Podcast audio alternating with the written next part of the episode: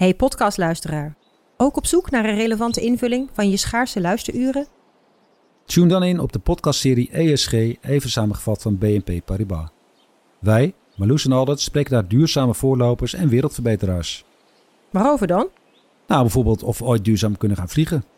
En waarom koeien in de stad nou een goed idee is? Dat en meer elke twee weken in een nieuwe aflevering. Dus abonneer je. ESG, even samengevat.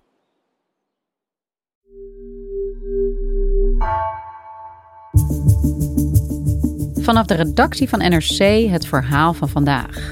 Mijn naam is Floor Boon.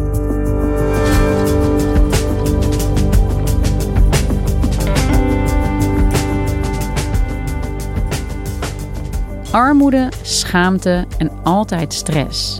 Het toeslagenschandaal trof niet alleen ouders, ook het leven van zo'n 90.000 kinderen is erdoor getekend. Redacteur Anne-Martijn van der Kade ziet dat inmiddels volwassen slachtoffers de gevolgen van het schandaal tot op de dag van vandaag voelen.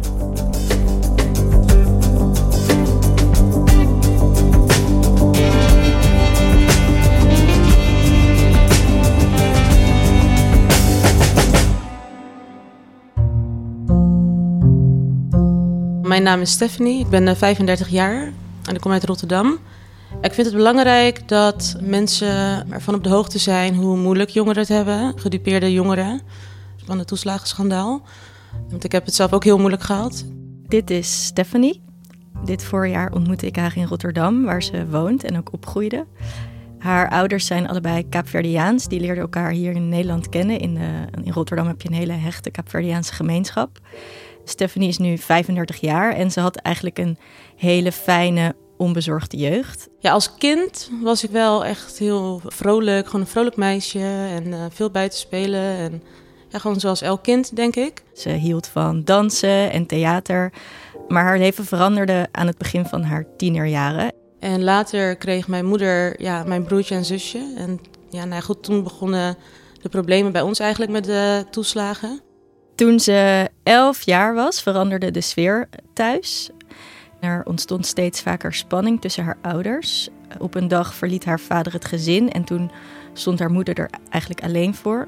Die moest toen in haar eentje voor drie kinderen zorgen en dus eh, alle zeilen bijzetten. Ze ging heel hard werken en de kleintjes gingen dan naar de opvang. En niet heel lang nadat Stephanie's ouders uit elkaar gingen, kreeg haar moeder ook problemen met de Belastingdienst. Er kwamen brieven in blauwe enveloppen en daar stond in dat Stephanie's moeder duizenden euro's aan kinderopvangtoeslag onterecht had gekregen en dat allemaal in één keer terug moest betalen. Ik heb die enveloppen wel eens gezien. Alleen ik denk niet dat ik me besefte waarvoor die brieven dienden of zo. Dat wist ik niet. Maar ik wist natuurlijk wel dat we het financieel niet breed hadden. Dat, dat had ik echt wel door, ja. Uh, dit gezin kwam dus in één keer diep in de schulden terecht.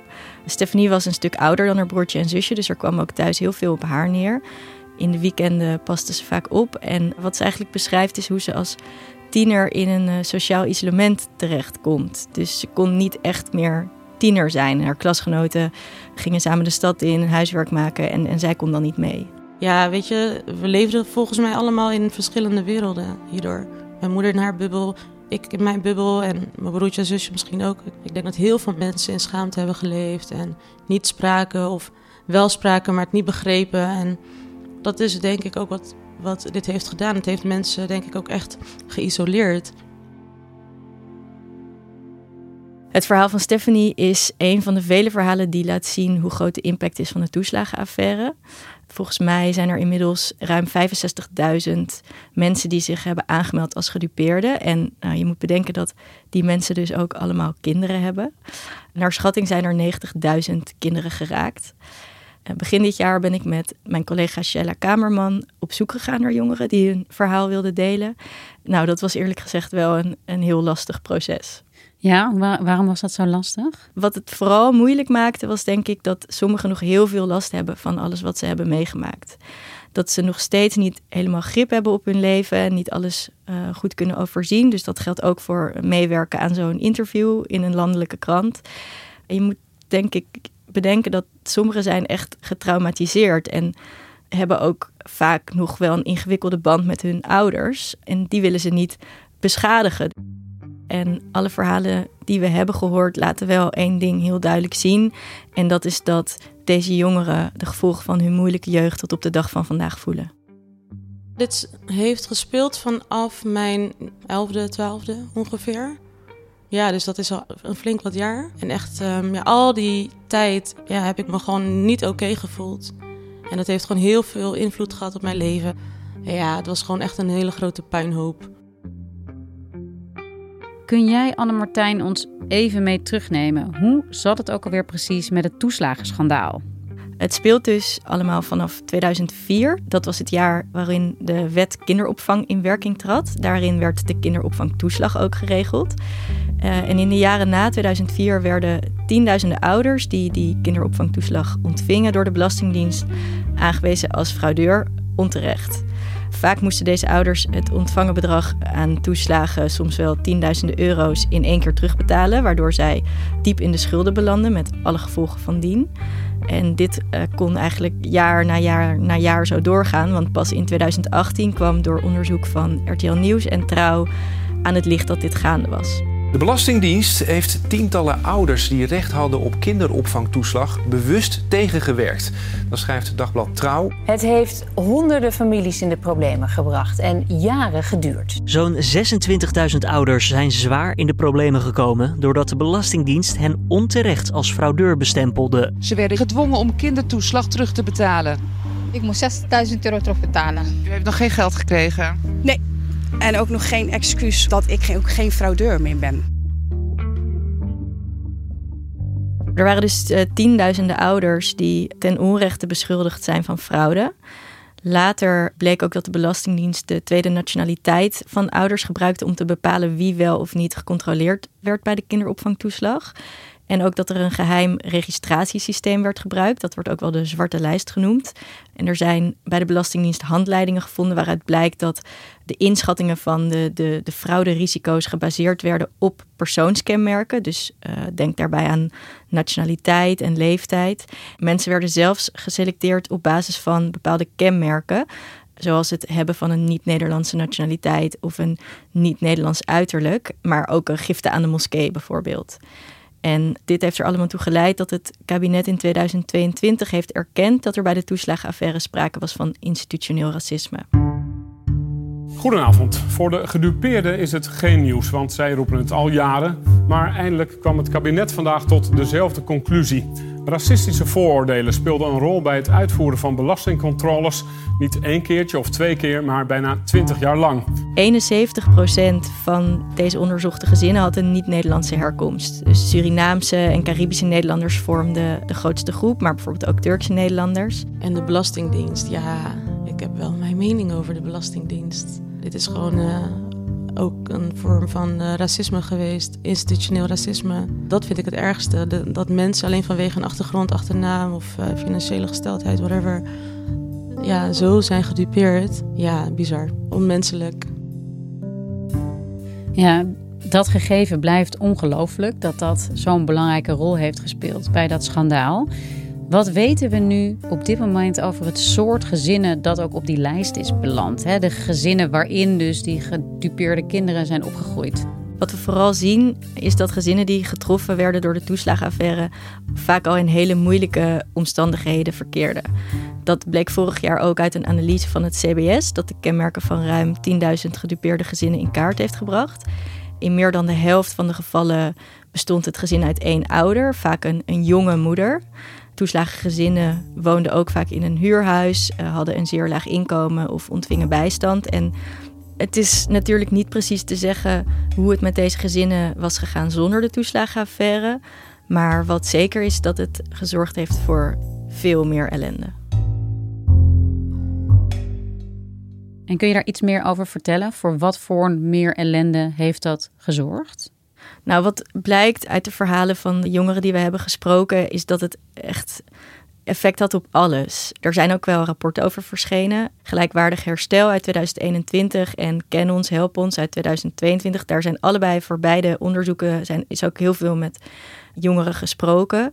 Nou, zij vertellen verhalen over hoe ze dakloos werden, uit huis zijn geplaatst, van school afgingen of een veel lager niveau deden dan ze eigenlijk aankonden Sommigen zijn al heel jong aan het werk gegaan om ook mee te betalen aan de dagelijkse kosten van het huishouden. Ja, het zijn echt verhalen over grote, grote armoede, over elektriciteit dat wordt afgesloten, water. Maar wat je ook ziet is hoe deze kinderen vaak zelf ook in de schulden belanden naarmate ze ouder werden. En ook eh, vrienden verloren of ja, gezinnen die, die uit elkaar vielen.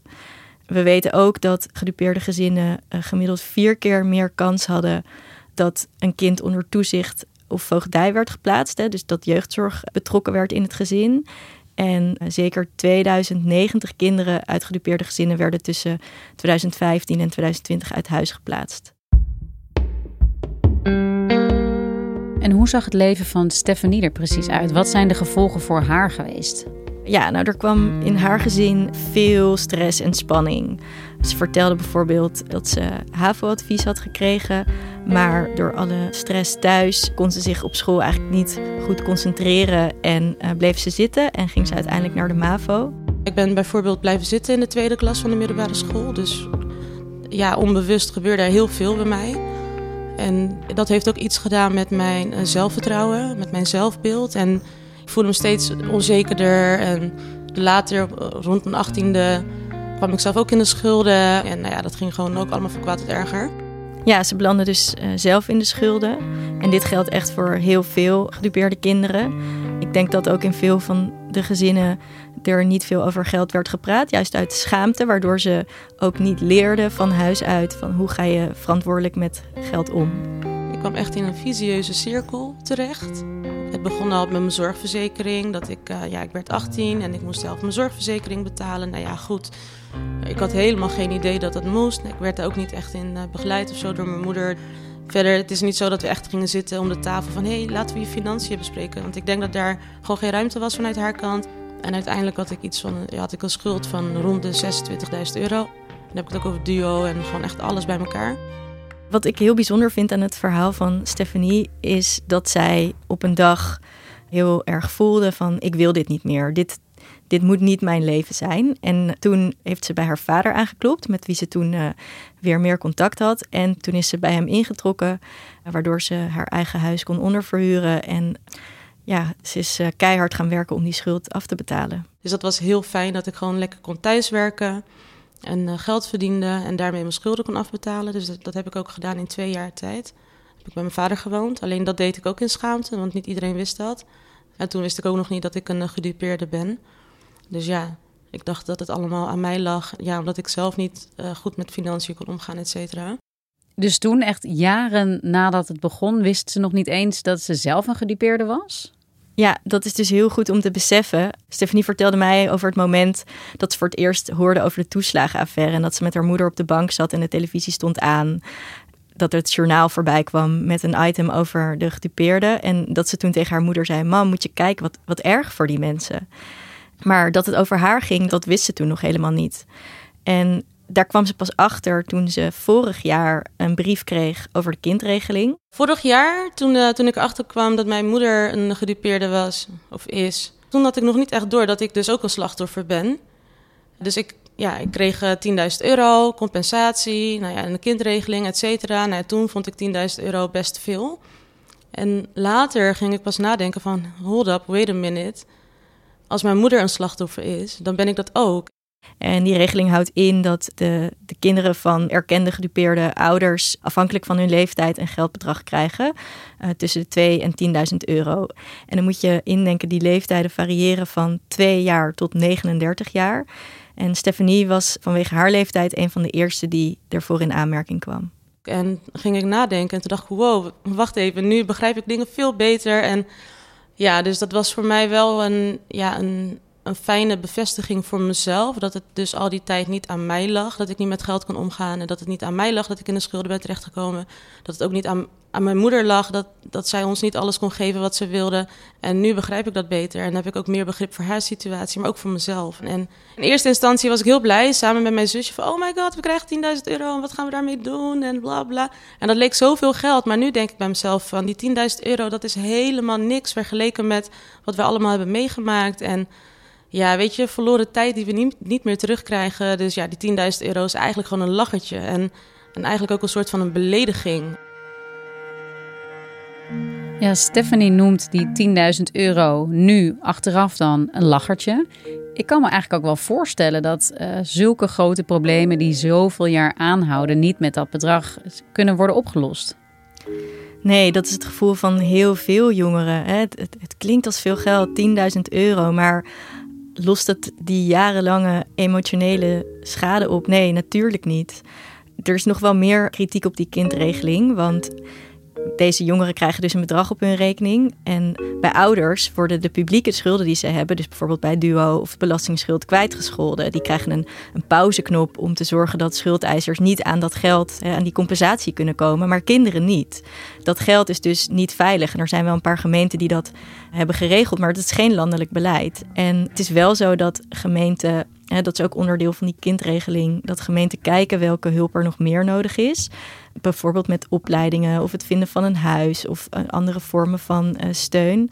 Maar niet elke gemeente pakt dat uh, hetzelfde aan. Dus ja, het kan zijn dat je in de ene gemeente beter wordt geholpen dan in de andere.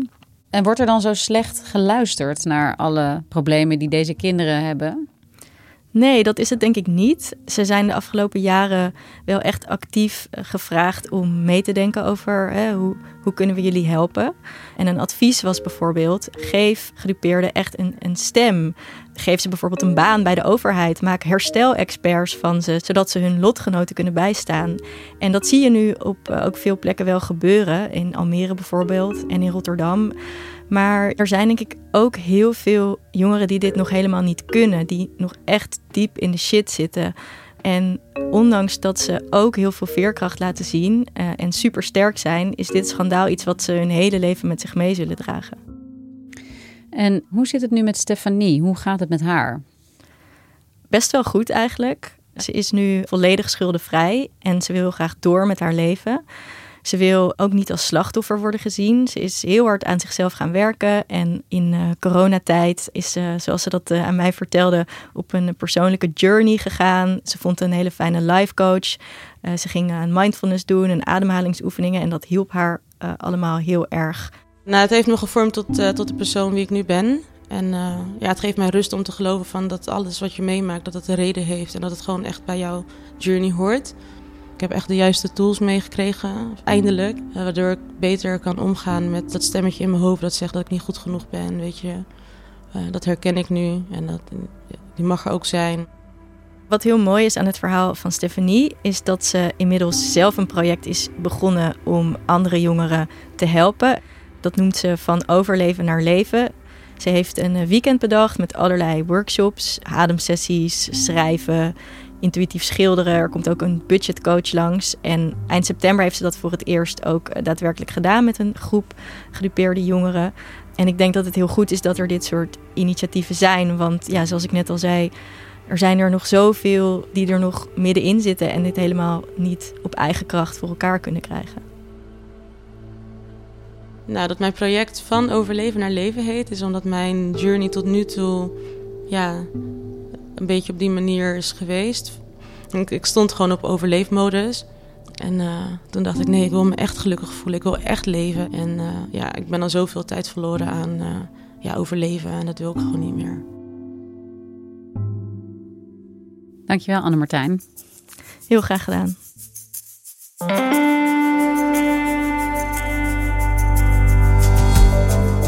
Je luisterde naar vandaag, een podcast van NRC. Eén verhaal, elke dag. Deze aflevering werd gemaakt door Nina van Hattem en Jeroen Jaspers. Coördinatie Henk Ruigrok van der Werven. Dit was vandaag, morgen weer.